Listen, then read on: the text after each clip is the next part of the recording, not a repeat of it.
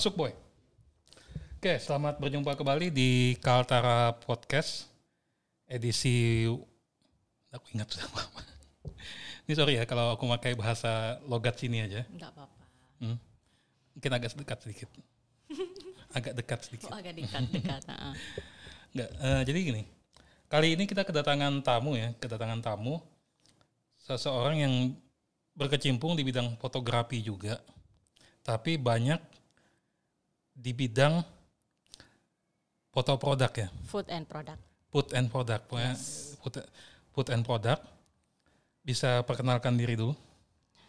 Eh, mungkin langsung saja eh, untuk nama eh, bisa untuk KTP untuk nama KTP-nya kayaknya nggak perlu sampai Eh, cukup dikenal dengan Ocha. Biasa juga dipanggil lebih dikenal untuk brandingnya sih Ibu Motret. Ibu Motret. ah, Oke. ah. Dari nama itu aja dulu. Heeh. Ya. Memang marketnya ibu-ibu memang atau Eh, gimana? Memang Enggak, eh, mungkin lebih ke ini apa? Lebih lebih ini, lebih lebih brandingnya mungkin lebih keingat, lebih marketable kan? Hmm. Ibu, ibu, ibu kan ya aku kan dipanggilnya ibu kan sama anak-anakku kan jadi ibu, ibu motret, I, berarti ibu senang motret, lebih ke marketable aja jadi lebih keingat kan? representasi Iya, ibu-ibu ibu-ibu aja ya. representasi ibu-ibu yang senang motret gitu. Oke, jadi Mbak Ocha ini ya eh, sudah di bidang food fotografi atau foto produk ya. Apa sih? Food. Iya, food and product. Food and product photography. Yes. Ya. Heeh. Ini sudah berapa tahun? Kalau untuk eh, tahunnya mungkin yang mulai mulai serius itu ya sekitar dua tahun belakangan ini ya. Tapi untuk senang motretnya itu memang sudah cukup lama karena kan eh, basic saya sebenarnya untuk background saya mantan jurnalis yang pertama kan. sama. Ah, ya mantan jurnalis yang pertama. Jadi tapi mungkin kalau di jurnalis itu saya kan lebih ke eh, wartawan ya, bukan fotografer. Tapi sedikit banyaknya di jurnalis itu kan kita belajar ini juga kan belajar moto Saya kan. juga belajar di situ. sebenarnya. Heeh, jadi jadi mungkin lebih ke beda segmentasinya. Jadi setidaknya secara basic sudah ada sedikit banyak paham soal eh, foto. Hanya saja kalau untuk di food and productnya ini eh, baru diasah lagi dengan mentor-mentor yang berbeda kayak gitu.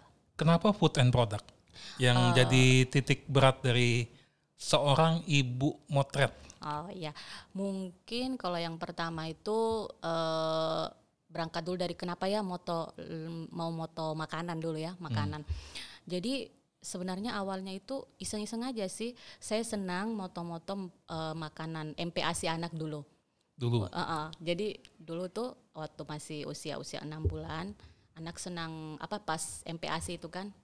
Jadi setiap selesai saya buatkan menunya, saya foto kan. Ini cuma makanan anak, tapi saya buat dia dengan eh, komposisi yang persis dengan eh, plating yang modern kayak gitu. Jadi saya berikan dia garnish, piringnya saya bagusin. Jadi tidak sekedar saya hanya mengolah makanan kemudian saya simpan di piring.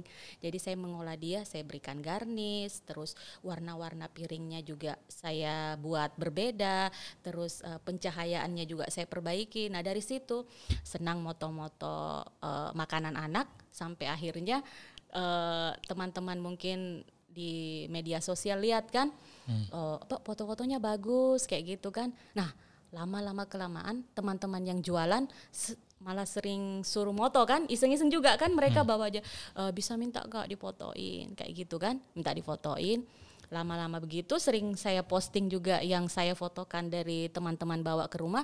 Akhirnya berlanjut berlanjut berlanjut sampai sekarang Nah. ketagihan moto.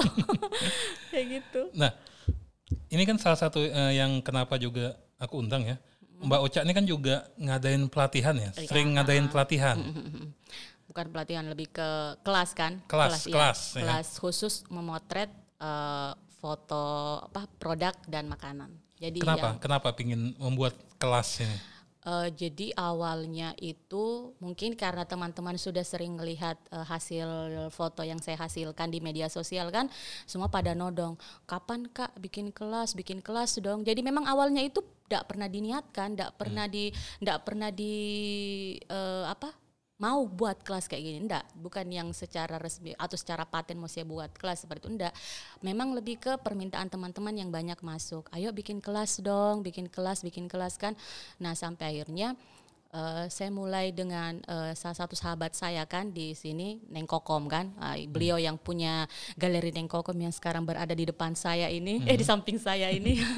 Jadi uh, Neng Kokom ini yang uh, sedang saya berada ajak di kegelapan ya. uh, yang selalu menemani saya saya ajak untuk join eh bagaimana kalau kita bikin kelas untuk uh, foto produk khusus di Tanjung Selor ini kan karena banyak pengusaha UMKM yang sebenarnya uh, mau membuat uh, representasi foto produk yang bagus hanya saja terkendala mau latihan sama siapa, mau difasilitasi sama siapa itu kan mereka belum belum sampai ke sana kan. Jadi ah dari situ saya coba-coba buat di batch mulai dari batch satu. Batch satu itu kan saya sudah trial pertama itu di teman-teman saya di Makassar kan. Hmm. itu uh, saya buat trial di situ. Kemudian di batch 2 itu memang khusus untuk di Tanjung Selor. Tapi setelah saya buka di batch 2 itu pengumumannya ternyata yang mendaftar bukan cuma dari Tanjung Selor ternyata banyak dari juga Bogor. yang dari luar. Iya, ternyata banyak yang dari luar. Bahkan di batch 5 ini kan alhamdulillah sudah sampai batch 7 sekarang. Uh, di batch 5 itu kami kedatangan salah satu peserta yang dari Eropa. Kebetulan juga ada dari teman dan jadi saya lihat oh ini circle-nya semoga makin meluas kan karena hmm. teman-teman hmm. dari luar negeri ada yang tertarik untuk belajar uh, dan sebagian besar itu memang ibu-ibu tapi ada juga bapak-bapak loh di salah satu batch, iya, karena kebetulan dia salah seorang pengusaha kopi hmm. yang mau belajar juga untuk ilmu kan tidak mengenal uh, gender. Betul, betul itu. Oke, sedikit. Uh, kalau di kelas yang diajar itu, mm -mm. itu materinya apa aja sebenarnya? Itu uh, ada 10 kali pertemuan ya untuk setiap batch itu, jadi betul-betul uh, kita kupas habis di situ mulai dari yang paling dasar itu adalah pencahayaan kan namanya fotografi kan? Seni hmm. melukis cahaya. Jadi kalau nggak ada cahaya ya gimana caranya kita mau moto? Tapi apakah kemudian teman-teman itu paham bagaimana sih menempatkan cahaya yang baik itu dalam produk atau makanannya supaya terlihat menarik? Seperti itu kan? Nah, itu yang belum belum uh, semua orang paham ya asal jepret aja kan hmm. kayak gitu. Nah jadi di basic itu kita uh, belajar dulu betul-betul tentang arah pencahayaan. Jadi di arah cahaya mana sih kita menempatkan fo, uh, produk itu supaya dia kelihatan bagus. Kemudian masuk lagi ke uh, angle. Kan angle itu kan kalau kita sama fotografer kan so, pasti tahu kan beda angle ya beda lagi kan bentuk-bentuk yeah. bentuk benda atau objek yang mau kita foto. Jadi itu yang kita pelajari. Kemudian ada juga komposisi bahkan saya mem, uh, memberikan materi itu sampai di bagian editing basic sampai editing. Iya, editing. Nah, itu sedikit. Ini kalau pesertanya kebanyakan ibu-ibu atau mungkin ada pengusaha. Mm -mm. Itu kan artinya kebanyakan yang ikut orang awam. Iya. Sedangkan kalau orang awam, mohon maaf ya, mungkin saat ini banyak yang tidak memiliki akses mungkin ke kamera DSLR, mirrorless dan lain-lain. Kalau concern dari apa materi dari kelas ibu motret ini meskipun cuman namanya ya bisa aja bapak-bapak juga ikut. Itu fotografi yang kayak gimana? Apakah memang harus menggunakan kamera atau gimana? Kalau untuk uh, gearnya sendiri perlengkapannya uh, saya tidak pernah batasi ingin memakai uh, kamera atau apa tapi sejauh ini dari beberapa kelas memang saya lebih uh, melihat teman-teman memang ingin memaksimalkan smartphone-nya. Karena kan seperti kita tahu sekarang kan smartphone ini luar bagus, biasa bagus. anunya kan sudah dibanding, luar biasa sekali perkembangannya kan, dulu, kan? device-nya itu uh, bisa dikatakan untuk uh, harga di bawah 3 juta saja sudah ha, sudah ada yang sampai cukup. RAM 8 kan RAM 4 apa segala macam sudah cukup hmm. mumpuni lah untuk satu smartphone sudah hampir menyamai kamera DSLR maupun mirrorless walaupun secara ini kan teknologi beda tapi dari hasil kalau kita bagus menggunakannya hmm. ya seperti kita kan apa skill itu yang pertama dulu kan yang harus kita asah. Untuk perlengkapannya terserah kita mau pakai apa. Jadi sejauh ini lebih banyak memang yang pakai smartphone. Jadi betul-betul kelasnya itu kita memanfaatkan apa yang kita punya. Mana handphone saya itu? Oh ya nih kita pakai handphone saja begini sudah bisa memoto sendiri produk kita. Dan itu tidak terbatas kita mau pakai uh, baik kamu itu uh, usernya Android, usernya iOS itu bebas saja mau mau pakai itu kan sama aja ini kan alat aja yang kita hmm. pakai. Oke, okay. kalau itu cuma alat, apa yang membuat sebuah foto produk itu eye catching, Iya. menarik. Kalau di dalam kelasnya itu, kalau dalam Mbak Ocak ngajar itu, Yang paling pertama itu pasti pencahayaan ya.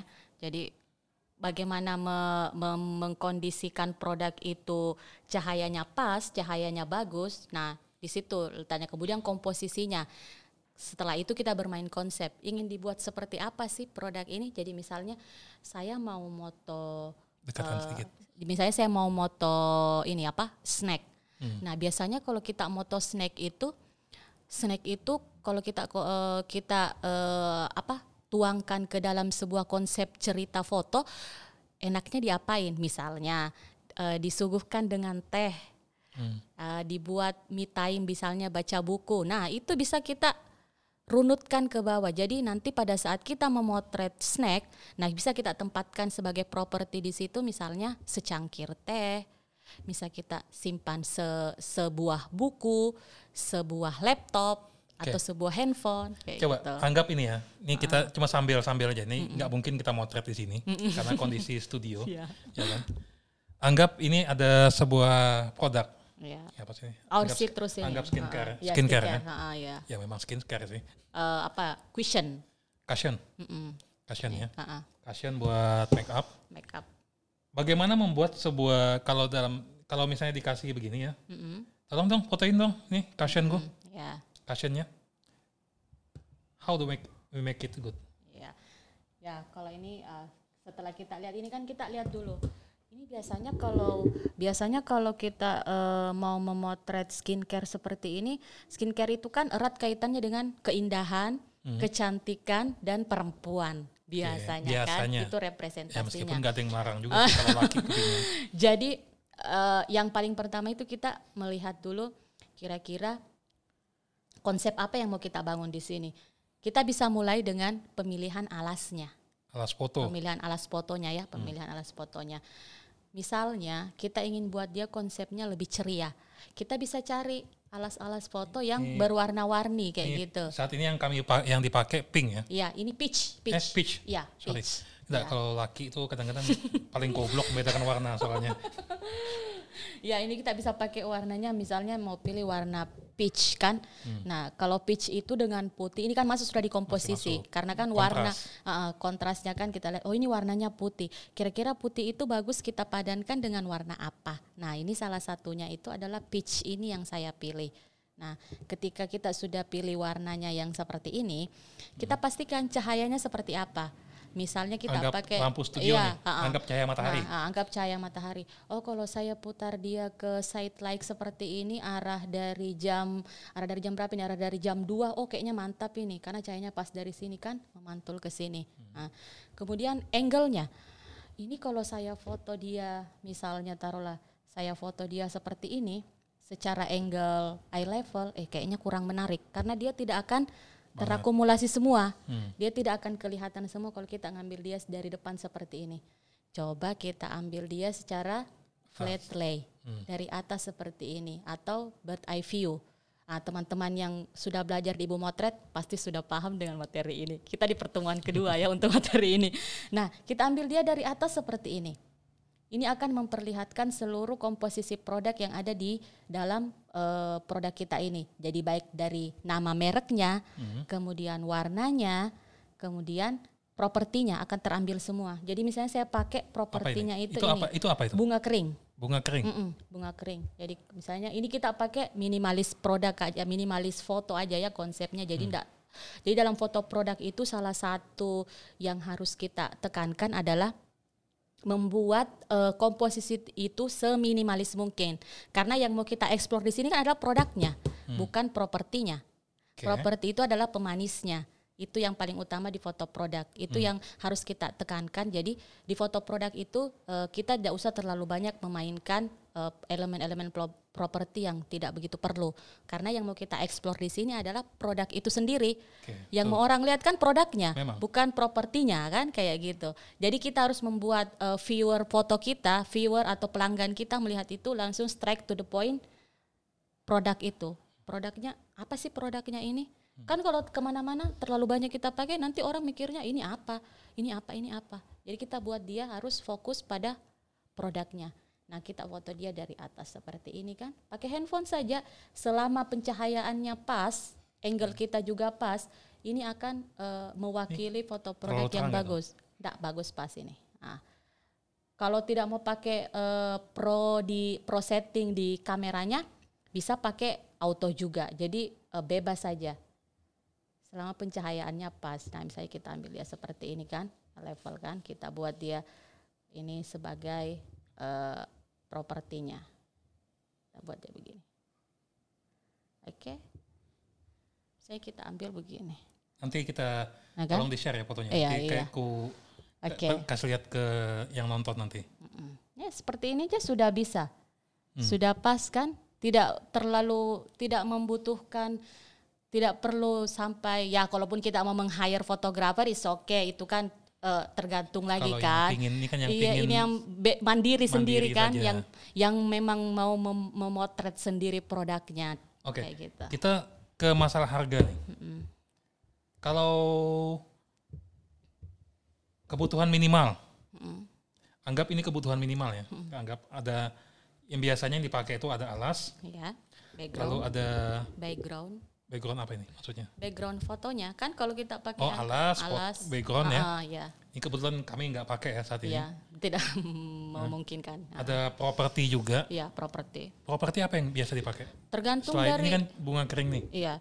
Eh, kalau aku sih tergantung dari apa yang kita mau foto. Kalau misalnya mau fotokopi bisa ada biji kopi, ada teko kayak gitu kan.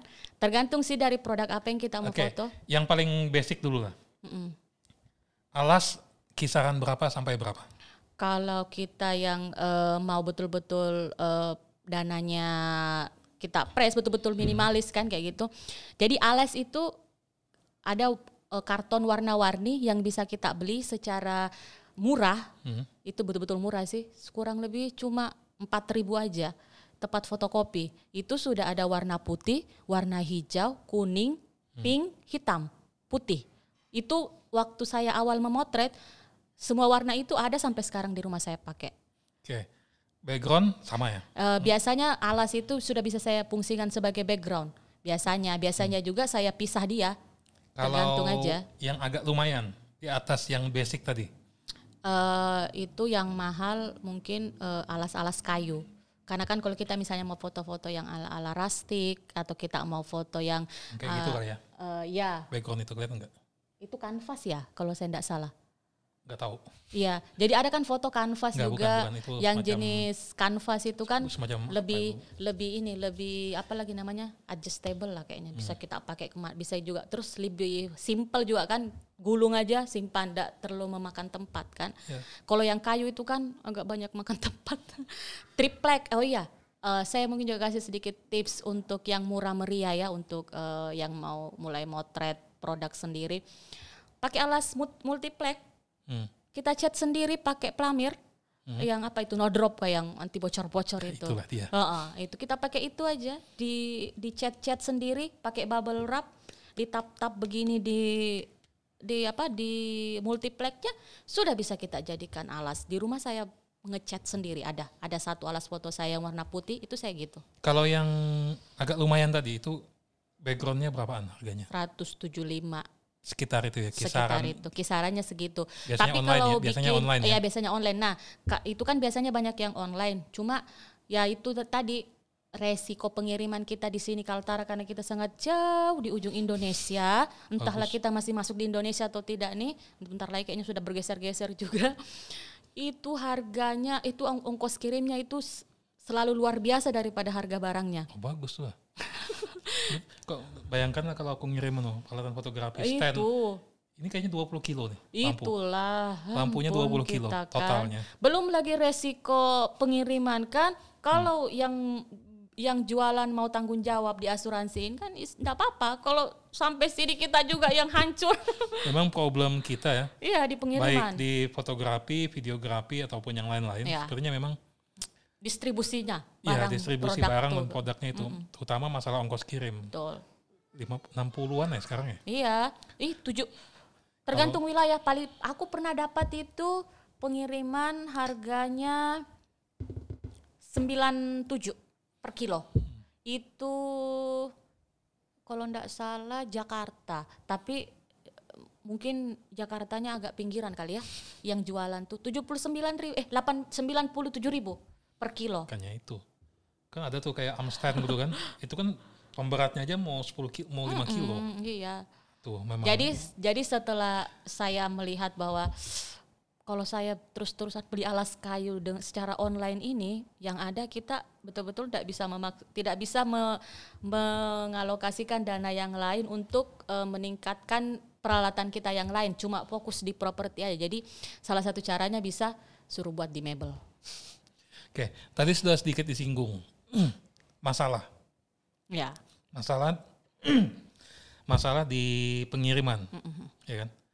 Selain masalah pengiriman, masalah distribusi kebutuhan. Ada masalah lain nggak? Kalau untuk kita mau moto gini masalah lain apa lagi? Biasanya. Eh, kalau untuk anu sih biasanya apa? Ya mungkin klasik ya. Kadang orang tuh masih ndak mengang ah, masih menganggap eh, seni fotografi itu ya begitu aja.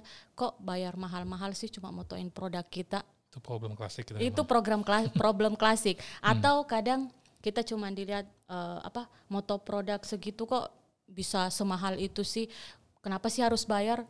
Kan aku kasih sampel produk aja selesai. Nggak usah dibayar lah ya kan? Kayak gitu. Itu biasa. Terus apalagi ya eh, sejauh ini sih kalau aku lebih banyak ini peralatannya aja yang cukup mahal Iya, memang yang sih. untuk ini Kak, apa untuk pengiriman kan Hmm. Eh, di terus kadang juga kita terlalu ini loh apa kita baru mulai baru mulai eh, menekuni tapi sudah kalap belanja properti dan lain-lain Oh itu biasa. kan kayak gitu padahal kan harusnya kita harus Jangan- jangan mematangkan lupa- skill dulu kan Jangan lupa aku nih fotografer Oh, juga. itu, Tahu sih kalap soal kalap kalap kalap, itu kalap, eh ampun. makanya sekarang ini aku sudah mulai sadar-sadar sedikit habis tuh invest invest kita itu memang banyak di situ padahal kan Hmm. nggak juga selalu kita pakai kayak gitu kan klasik lah yang kayak gitu-gitu Oke, eh, tadi kita bicara sedikit. eh, ini kita membahas sedikit tentang masalah biaya ke klien. Mm-mm. Ya kan tadi ada sedikit ngeluhin eh, kadang-kadang ti- kurang dihargai. ya Cuman bukan itu yang itu yang ya bukan itu sudah lah itu semua lah kayaknya. klasik itu Klasik semua itu sudah. Cuman yang tanya ini ada pasarnya enggak? Saat ini di Kaltara ya, kita Iya. bicara saat ini di Kaltara atau mungkin Tanjung ya, Tanjung Selor ya. Karena posisi kita saat ini lagi di Tanjung Selor. Iya. Ada nggak pangsa pasarnya masih bagus nggak? luar biasa saya bilang pangsanya luar biasa besar untuk Tanjung Selor jadi saya bisa melihat Ini baru Tanjung Selor ya, Iya, kita belum eh, bicara eh, Tarakan Ta- dan lain-lain Tanjung ya. Selor ini saya melihat betul-betul pangsanya sangat besar. Jadi awal-awal saya melihat itu tadi yang saya keluhkan kan, Hmm. kadang orang tidak begitu melihat seni seni yang kita hasilkan itu eh, hanya sebatas loh ini kan motret bisa aja siapa aja bisa motret aja sendiri ngapain aku bayar kan kayak gitu itu Hmm. awal-awal ya tapi setelah saya alhamdulillah eh, teman-teman dari Tanjung Selor itu banyak yang ikut kelas, saya melihat itu pola pikirnya mulai ini, mulai bagus. Jadi teman-teman tuh melihat, oh betulan ternyata ya motret itu ndak gampang, pantas tuh fotografer dibayar mahal, Hmm. kan kayak gitu. Itu saya melihat eh, sebuah perubahan berpikir yang sangat bagus menurut saya dan itu justru bikin saya jauh lebih bangga dengan kelas ini daripada eh, pencapaian yang lain kalau menurut saya karena merubah pola pikir orang yang hanya melihat fotografi itu hanya sebatas seni tapi ternyata memang fotografi itu ilmu yang sangat mahal Memang. ilmu yang sangat mahal jadi teman-teman yang mungkin awal-awal itu mereka mengha- apa mungkin hanya melihat sebatas ah motret begitu mah siapa aja bisa motret gitu mah siapa aja mampu Nggak dianggap Kan? orang orang kita ya, bukan orang Tanjung ya. ya Dianggap orang itu kalau cuman sekedar itu kan ceritanya nggak banyak menggunakan fisik nih. ya ha-ha. Pekerjaan yang dianggap tidak banyak menggunakan iya fisik. skill aja kan bi- bisa Tapi aja. mereka lupa bahwa kita juga invest di sini kan. iya betul Itu yang kadang-kadang orang sini lupa, you know. bukan orang sini sih semua iya di semua tempat. Mm. Tapi anggap saat ini banyak yang apa klien dari Mbak Ocha? Alhamdulillah. Makanya saya bilang tadi dari dari pola pikir yang mulai yang mulai bagus itu tadi, yang mulai yang mulai melihat bahwa memang ini adalah sebuah uh, pekerjaan, bukan pekerjaan sih, apa ya, seni yang patut dihargai. Hmm. Akhirnya orang-orang iya, sampingan ya. Iya, akhirnya Alhamdulillah lah. Jadi dulu itu memang saya sengaja invest untuk properti itu betul-betul dari saving saya pribadi ya, hmm. tabungan setiap bulan setoran suami saya pakai buat beli properti. Maaf ya. jadi satu jadi setoran suami sebulan itu betul-betul dipakai cuma buat belanja properti itu terus tapi alhamdulillah sekarang dengan uh, mulai banyaknya juga eh, teman-teman uh, mempercayakan saya untuk memotret produknya meskipun dengan peralatan yang sederhana sekali sangat sederhana daripada fotografer profesional lainnya ya. Hmm. yang mungkin kalau kayak kayak Segaf ini kan luar biasa nih studionya. Ini kan kecil ini. Luar biasa studionya sudah punya lampu godok dan segala macam. Lah kita boro-boro bodok aja di rumah.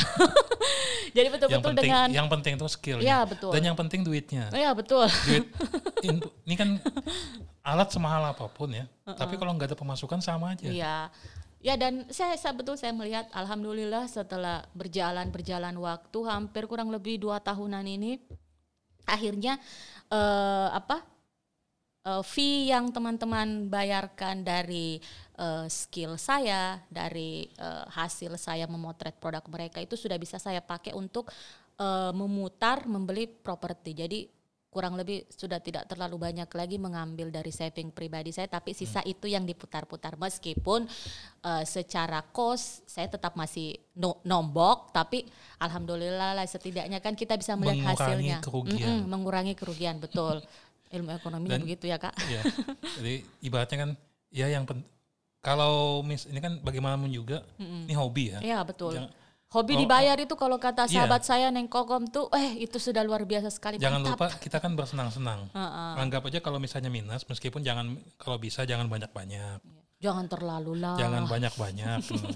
Jadi kalau ditanya orang, wih untung gak nih?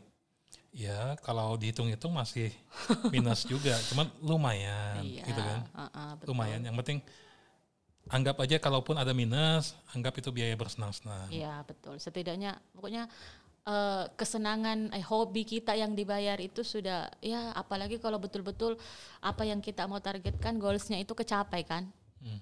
itu okay. ya sudah uh, ini sudah ada perhatian dari pemerintah kayak ini misalnya kerjasama dengan pemerintah bikin-bikin pelatihan atau apa karena di Kaltara ini kan banyak nih UMKM saat mm -hmm, ini betul. seharusnya mereka yang dilatih seperti ini sebenarnya ya. seharusnya mungkin ada sedikit ada perhatian nggak dari pemerintah uh, sudah pernah ngisi uh, materi sekali kerjasama dengan kearsipan perpustakaan dan kearsipan kemarin kan hmm. uh, program transformasi perpustakaan berbasis inklusi sosial kebetulan untuk uh, program perdananya mereka kemarin itu kan salah satunya adalah uh, pengen, apa uh, membuat foto produk yang menarik untuk uh, pelaku UMKM. Sekarang kan perpustakaan sudah menuju Ubah. ke transformasi berbasis inklusi sosial ya. Jadi hmm. nggak hmm. cuma sekedar tempat buat baca aja, tak sekedar buat uh, minjam buku aja tapi sudah menjadi tempat berkumpul eh, orang-orang uh, untuk uh, lebih memaksimalkan bahan bacaan ataupun uh, perpustakaan itu sendiri secara umum ya jadi itu kemarin kerjasama perdana dari programnya perpustakaan kabupaten. Alhamdulillah saya didaulat untuk menjadi salah satu fasilitator bersama uh, sahabat Kak Segaf juga Kak uh, bukan Kak Kak Ramon, Datu Ramon Fauzi oh, Datu Ramon, ya, ya, Datu ya. Ramon. Ya Kak Surya kan salah satunya juga kan ya. Hmm. Jadi uh, ya kemarin kami kolaborasi bareng untuk itu. Seharusnya malah di Sprindakop ya seharusnya. Yang, seharusnya yang iya, lebih seharusnya kan. yang lebih yang lebih berkepentingan sebenarnya. Hmm. Ya semoga lah didengar ya, semoga. Iya. apa-apa, Kesian juga. Saya, Pak, bisa enggak apa-apa. uh, karena problem saat ini ya.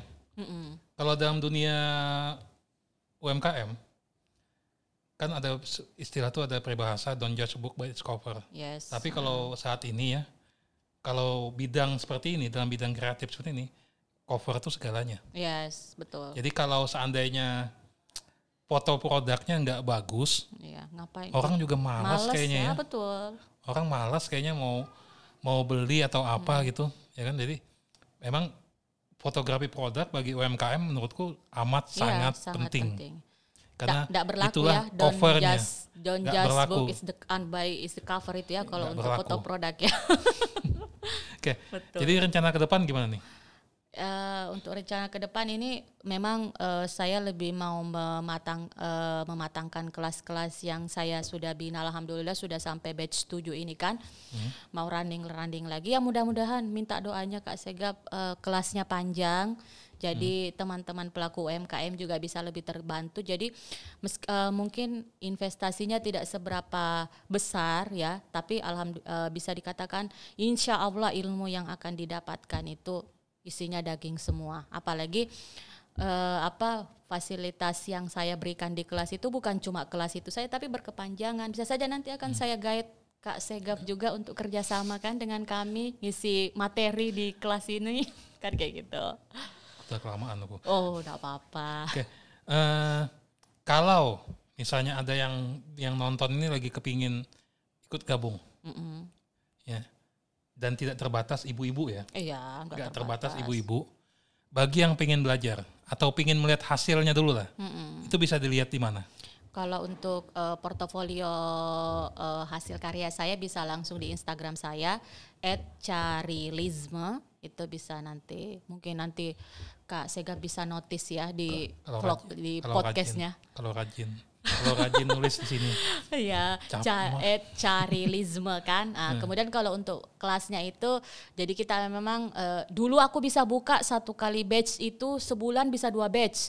Tapi aku ini ampun betul. Jadi s- nanti selesai satu batch baru batch lagi karena apa tandem per batch itu capeknya bukan main saya harus prepare siapin materi batch yang satu, kemudian batch yang lainnya. Jadi eh, mulai dari batch 3 kemarin, eh batch 4 kemarin, saya putuskan untuk eh, selesai satu batch, baru buka batch yang lain lagi. Nah kebetulan adminnya bisa langsung kepoin juga, Neng Cocom.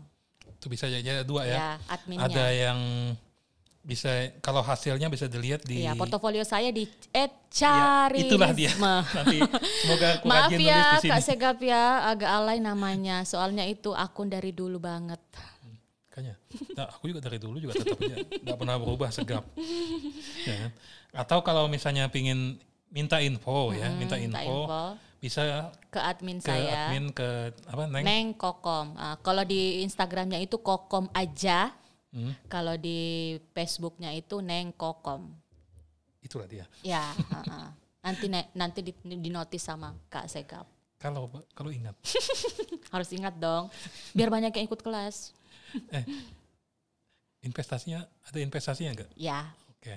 Jadi pelatihannya itu ada 10 kali. 10 ya? kali pertemuan. Itu 10 kali dihitungannya pertemuan. itu coba 10 ribu per sekali pertemuan loh kak. Itu Masih. murah banget. Masih terjangkau lah. bukan lagi terjangkau. Jadi saya bisa pastikan eh, investasi fee yang di kelas saya ini masih jauh daripada masih lebih bisa bersaing lah daripada kelas-kelas yang lain Oke. serupa.